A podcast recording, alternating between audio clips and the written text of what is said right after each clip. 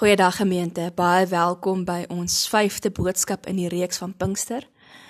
Mag vandag vir julle, mag die Gees ook vandag vir julle aanraak, sodat julle kan hoor wat God vir julle wil sê. Kom ons raak stil en dan nader ons tot die Here. Aan U kom toe al die lof, die eer en die heerlikheid. U Vader wat op die troon sit, wat in beheer is, selfs lyk die wêreld rondom ons onseker. U Jesus Christus wat die leeu en die lam is, wat die oorwinning behaal het en ons as gelowiges aanmoedig om die oorwinning te gee.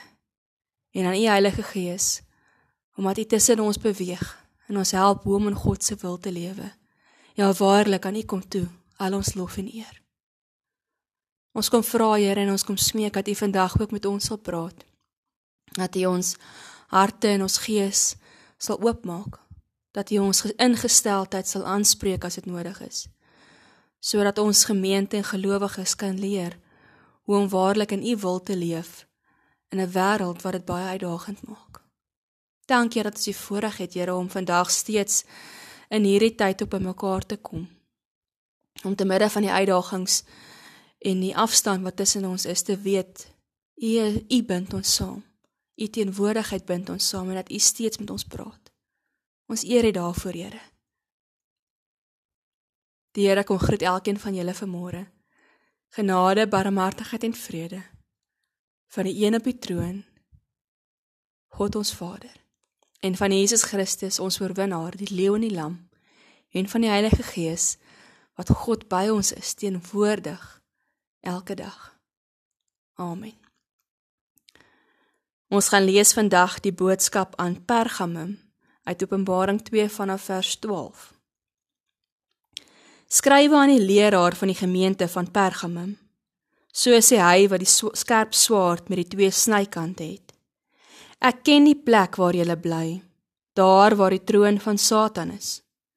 Tog bly jy aan my naam getrou, al het jy nie julle geloof en jy het nie julle geloof in my afgesweer nie. Selfs nie in die tyd toe Antipas my getroue getuie doodgemaak is daar by julle waar die Satan bly nie. Maar ek het 'n paar dinge teen julle. Julle het mense daar waar die leer van Biliam aanhang. Hy het vir Balak geleer om die volk van Israel van my afvallig te maak sodat hulle afgodsoffer vleis geëet en onsedelikheid bedryf het.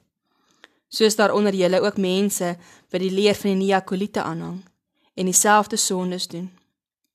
Bekeer julle nou. Anders kom ek gou na julle toe en ek sal daardie mense bestry met die swaard van my mond. Elkeen wat kan hoor, moet luister na wat die Gees vir die gemeente sê. Aan elkeen wat die oorwinning behaal, sal ek van die verborgde manna gee en daarby sal ek vir hom 'n wit steentjie gee met 'n nuwe naam daarop gegraveer wat niemand anders ken nie, net hy wat dit kry. Nou vandag het ons gelees van die stad Pergamum. Pergamum was noord van Smyrna geleë en bestaan vandag nog as die stad Pergama. Pergamum was daai tyd belangrik omdat dit die hoofstad van Klein-Asië was. Daarom was daar talle tempels vir allerlei afgode. En dit is waarskynlik wat Johannes bedoel het as hy hier praat van en verwys na die stad as die troon van Satan.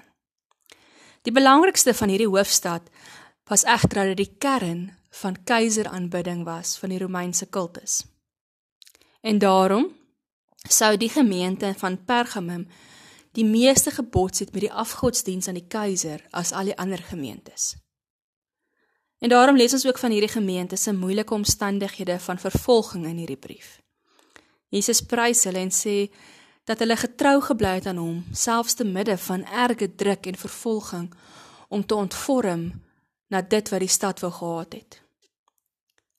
Hulle het nie toegegee aan, hulle het nie hulle geloof verlaat en toegegee aan al die afgodsdiens nie. Waar hulle moes uitroep, keiser is die Here, het hulle gekies om aan te hou uitroep die belydenis. Jesus alleen is die Here. Tog lees ons hier, kla Jesus hulle steeds aan want daar is 'n groep mense onder hulle wat die leer van Biliam aanhang. Nou die verhaal van Biliam hier help ons verstaan wat presies is dit wat Jesus wat se wat se aanklag Jesus hier teen hulle het. Ons lees die verhaal van Biljam en die koning Balak in Numeri 22 tot 24.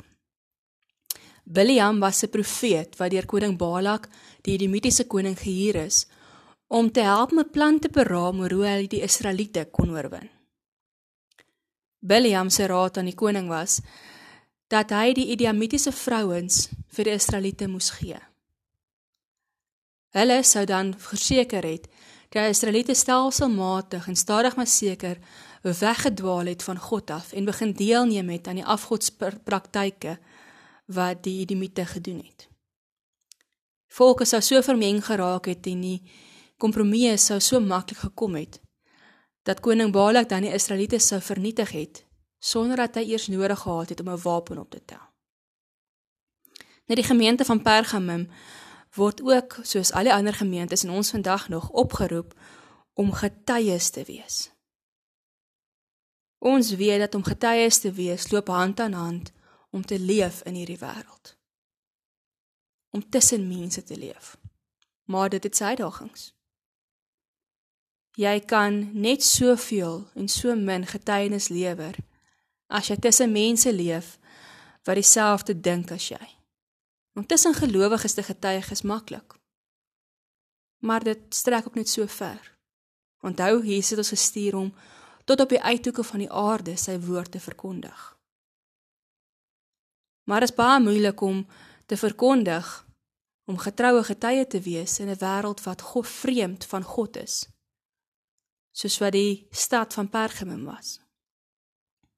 En vir die gelowiges ontstaan die vraag: Hoe kan ons dan getroue getuies wees sonder om weg te dwaal, sonder om te veel op te gee sodat ons soos Biljam en Balak word in die Israeliete van daardie tyd en ons identiteit opgee ter wille van ons kompromie. Vir die gelowiges in Pergamum was dit moeilik want hulle moes deelneem aan die bedrywighede van die stad. Maar Op 'n stadium moes hulle ook ter wille van hulle geloof hulle self onttrek. Die gevaar was egter sodra hulle dit begin doen het, dan het die inwoners van die stad hulle vreemd aangekyk en het hulle 'n teken geword vir vervolging. En dis waarom die mense in probeer het om kompromieë te bereik. Want hulle probeer om die vervolging op 'n manier ook te verminder. Nou dit lyk asof die Neapoliete waarvan ons vroeër gelees het presies dit gedoen het. Daar was 'n groepie in die gemeente wat gesê het dis moontlik om allerlei kompromieë aan te gaan, middewee te vind sodat hulle steeds in die stad se lyk soos die stad, optree soos die stad se mense, soos die wêreld se mense, maar hulle hart getrou gebly het aan God. Hulle het gesê daar's 'n manier om fisies deel te neem aan die afgodsdiens en die feeste sonder om jou hart en jou gees onsuiwer te maak. In die Bybel is daar egter baie duidelik dat daar nie 'n manier is ons dit kan doen nie. Ons dien en aanbid God met liggaam, siel en gees. Daar is nie 'n manier dat ons aan die een kant een God kan dien en aan een praktyke kan deelneem en die ander kant vir God nie.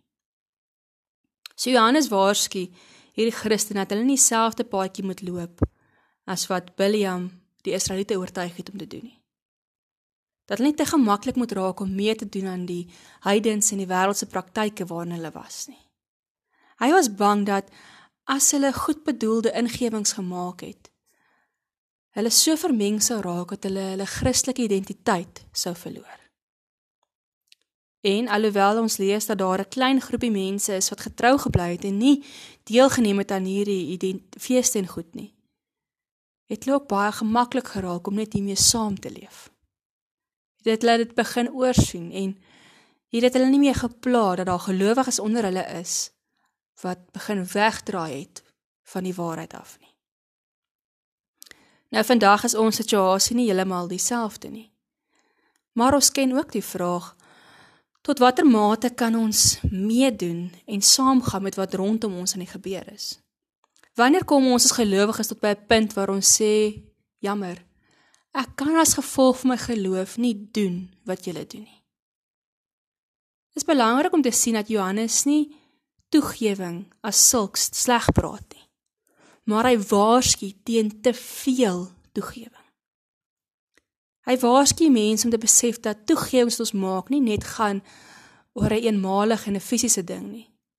Maar dit gaan op die oomblik oor ons hart en ons ingesteldheid en hoe hierdie toegewings ons aanbidding van met oor aan God raak. Dit gaan oor ons identiteit as Christene. Te veel toegewings kan maak dat ons vinnig wêrelds word en nie meer uitstaan as kinders van God nie. So ek wou net 'n vraag vra vandag. As ons na ons lewens kyk en as God na ons lewens kyk. Wie se volgeling wys ons lewens is ons? Hierdie gemeente se vraag antwoord was dit gewys hulle het 'n dubbele identiteit. Hulle dien God, maar hulle dien ook die afgode. En daarom word hierdie gemeente opgeroep soos Efese om hulle te bekeer en terug te draai na God se pad. Maar dit bly steeds 'n moeilike vraag as mens dink oor hierdie bekering. Oor hoe om te onderskei tussen wanneer kan ons toegewings maak en wanneer moet ons vas staan by wat ons glo. En ongelukkig is daar nie 'n maklike en eenvoudige antwoord nie. Ons het onderskeiding nodig. En dit is veral moeilik om onderskeiding te tref as ons die gevaar loop om soos hierdie gelowiges vervolg te word. As ons om op te staan vir die waarheid gaan opweeg teen die gevaar van lyding. Moet ons eerlik wees, sal die gevaar en die vrees vir lyding, soos ons gister gepraat het, baie keer wen. En die waarheid sal swak voorkom. Die waarheid sal tweede kom. In hierdie gemeente se kultuur van keiseraanbidding sou dit daarom baie moeilik gelig gewees het om hierdie onderskeid te tref. Dis maklik om getuig, om 'n getroue getuie te wees as dit nie veel kos nie. Maar dit raak moeiliker wanneer ons lewens in gevaar raak. Wanneer ons werk in gedrang kom.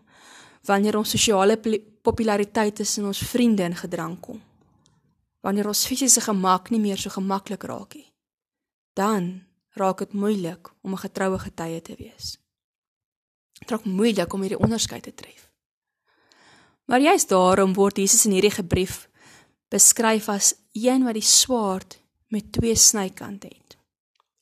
In die stad Pergamum het regerders die reg gehad om enige een wat hulle gedink het dit werd is, die dood verdien, tot die dood te veroordeel, sonder om ooit aan enige iemand verantwoording te hoef te doen.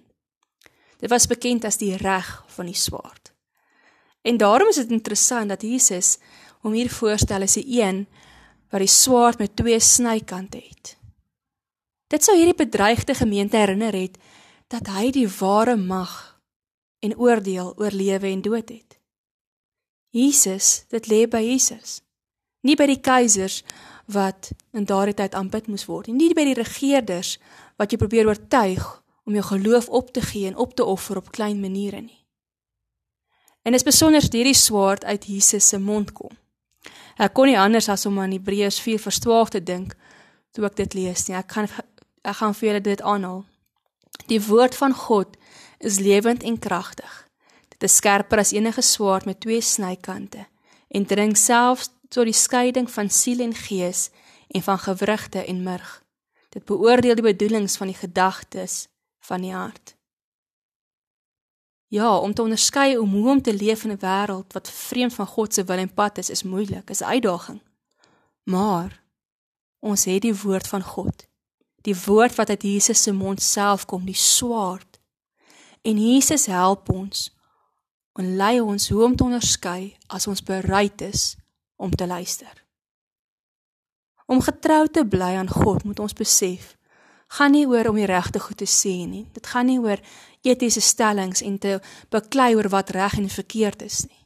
Wat ons so maklik doen nie. Dit gaan oor om Jesus eers in ons lewens te sit. Hy is die eerste een wat ons vashou. Hy is die weg, die waarheid en die lewe. Jesus veg met sy woord deur vir ons te wys wat in ons daaglikse lewens ons moet onderskei aanvaarbaar vir hom is en wat nie. En gemeente, die enigste manier ons dit gaan weet is om waarlik slegs hom te aanbid. Om tyd te maak vir hom, om tyd te maak om die woord te leer en tyd saam met God te spandeer sodat die Heilige Gees vir ons kan wys waar moet ons wat besluit en waar moet ons oordeel oor hoe neem ons deel aan hierdie wêreld wat van God vervreemd is en wanneer nie. Selfs ten spyte en ten koste van ons eie gemak. Die gemeente word opgeroep om hulle te bekeer van en terug te draai na die woord van God. So word ons opgeroep. Ons kan nie in hierdie wêreld leef net by mense waarmee ons gemaklik is nie. En selfs binne in ons kringe kan daar wees dat daar mense is wat te gemaklik geraak het om mee te doen aan dit wat die wêreld vir ons vra. En ons moet die onderskeiding tref en mekaar help hiermee op 'n liefdevolle manier. Al lyk die versoekings hoe groot vir ons almal en die kompromie maklik, moet ons vashou aan die woord. Want Jesus gee vir ons daardie woord. Hy sê vir ons dit is ons wapen om in hierdie wêreld sterk te staan. Ek dink twee vrae wat ons dalk kan help om onderskeiding te tref in die wêreld waarin ons vandag leef, is die volgende. Die eerste vraag is: As ek hierdie toegewing of kompromie maak wat voor my lê, is dit steeds getrou aan God se woord. Die tweede vraag wat ons onderskeiding kan gebruik is om te vra as ek hierdie kompromie maak, sal my optrede of my besluit wat ek doen steeds 'n getuienis wees van God en sal dit sy naam eer aandoen. Dis vra wat vir ons vra oor of ons ingesteldheid reg is of ons geloof en ons oog nog op God is. Aan die einde van die brief word vir hierdie gemeente ook besonderse beloftes gemaak wanneer hulle bereid is om getrou te bly aan God en om nie mee te doen en te veel toegewings te maak nie. Die eerste belofte waarvan ons lees is dat die Here sê hy sal vir hulle verborgde manna gee. Natuurlik, manna weet julle was die broodjies wat uit die hemel geval het toe die Israeliete in die woestyn gereis het op pad na die beloofde land. Nou, ek kan nie anders dink as om dink aan Jesus se versoeking deur die Satan in Matteus 4 waarvan ons lees nie. Daar het Jesus die Satan geantwoord met die woorde van Deuteronomium 8 wat sê dat 'n mens nie net van brood lewe nie, maar van die woord van God. Hy haal daar Deuteronomium 8 aan. Wat vertel die verhaal van hoe die Israeliete swaar gekry het in die woestyn. Maar dat God hulle steeds gevoed het fisies met die manna, maar ook geestelik om hulle te leer dat 'n mens nie net van brood kan lewe nie, maar van elke woord wat uit God se mond kom. Vir die gelowiges sou natuurlik hierdie verhaal op die oor geval het. En vir hulle verseker het dat God vir hulle fisies sal sorg in deur hulle beproewings en uitdagings waar hulle getrou bly aan hom, soos hy in die woestyn ook vir Israel gesorg het. Maar hierby saam sal hy ook vir hulle die woord gee wat hulle geestelik versterk en hulle help om te onderskei hoe om getrou te bly te midde van versoekings. Hy sal vir hierdie vraag antwoord: Hoe lewe ons as gelowiges in 'n wêreld wat van God vervreemd is? Die volgende belofte sê die Here hy sal vir hulle wit klippie gee met 'n unieke naam daarop gegraveer. Nou niemand weet eintlik wat hierdie wit klippie is nie. Maar die meeste sê dit was dalk iets wat soos 'n toegangskaartjie gewerk het. As jy hierdie wit klippie gehad het, sou jy by 'n 'n plek kon inkom waarvoor die klippie bedoel was. Dit sou die gelowiges verseker het dat al word hulle in hierdie wêreld uitgesluit, al word hulle verstoot, al mag hulle nie deelneem aan verskeie goed nie as gevolg van hulle geloof, gee God vir hulle toegang tot dit wat werklik saak maak. En net hulle naam sou op hierdie klippie gestaan het. Die naam dink die mense was die naam van Christus. Wat wat vir ons loskoop en dit vir ons moontlik maak om te kry wat God vir ons beloof het, 'n lewe saam met hom. Ons mag dalk vreemd vir hierdie wêreld lyk as gelowiges. Eindelik moet ons vreemd lyk. Ons moet uitstaan. Ons moet nie te veel ingee sodat ons lyk soos almal anders nie. En God beloof ons, selfs al is dit nie maklik nie, Selfs al is daar erge druk om te verander en te omvorm soos hierdie wêreld is, sal hy vir ons sorg. Hy sal ons help om te onderskei en hy sal ons help om eendag die lewe te kry wat hy vir ons beloof het. So my vraag wat ek vanmôre het om vir julle om oor te gesels is die volgende 4. Eerste vraag. Die gemeente van Pergamum het onder groot druk van die staat geleef. Watter wêreldse magte en invloede sit ons vandag onder gevaarlike druk? Die tweede vraag. Ken ons vandag nog die vraag oor hoe ver ons kan meedoen aan die wêreldse praktyke of ken ons dit nie? Is daar dalk praktyke waaraan Christene vandag gemaklik meedoen waarvan ons dalk waar en waaroor ons dalk meer moet begin wonder? Die derde vraag. Watter spesifieke druk beleef jy om by die wêreld om jou in te pas en opofferings te maak wat in jou geloof is? Is dit dalk tyd dat jy opstaan daarvoor? En die laaste en die vierde vraag is: Hoe kan ons leer om meer op God se waarheid en die krag van die evangelie te vertrou in tye soos hierdie? Ek gaan weer geleentheid gee vir stil gebed. Julle is welkom om die boodskap te stop en eers klaar te bid en dan nog verder te luister. Kom ons raak stil.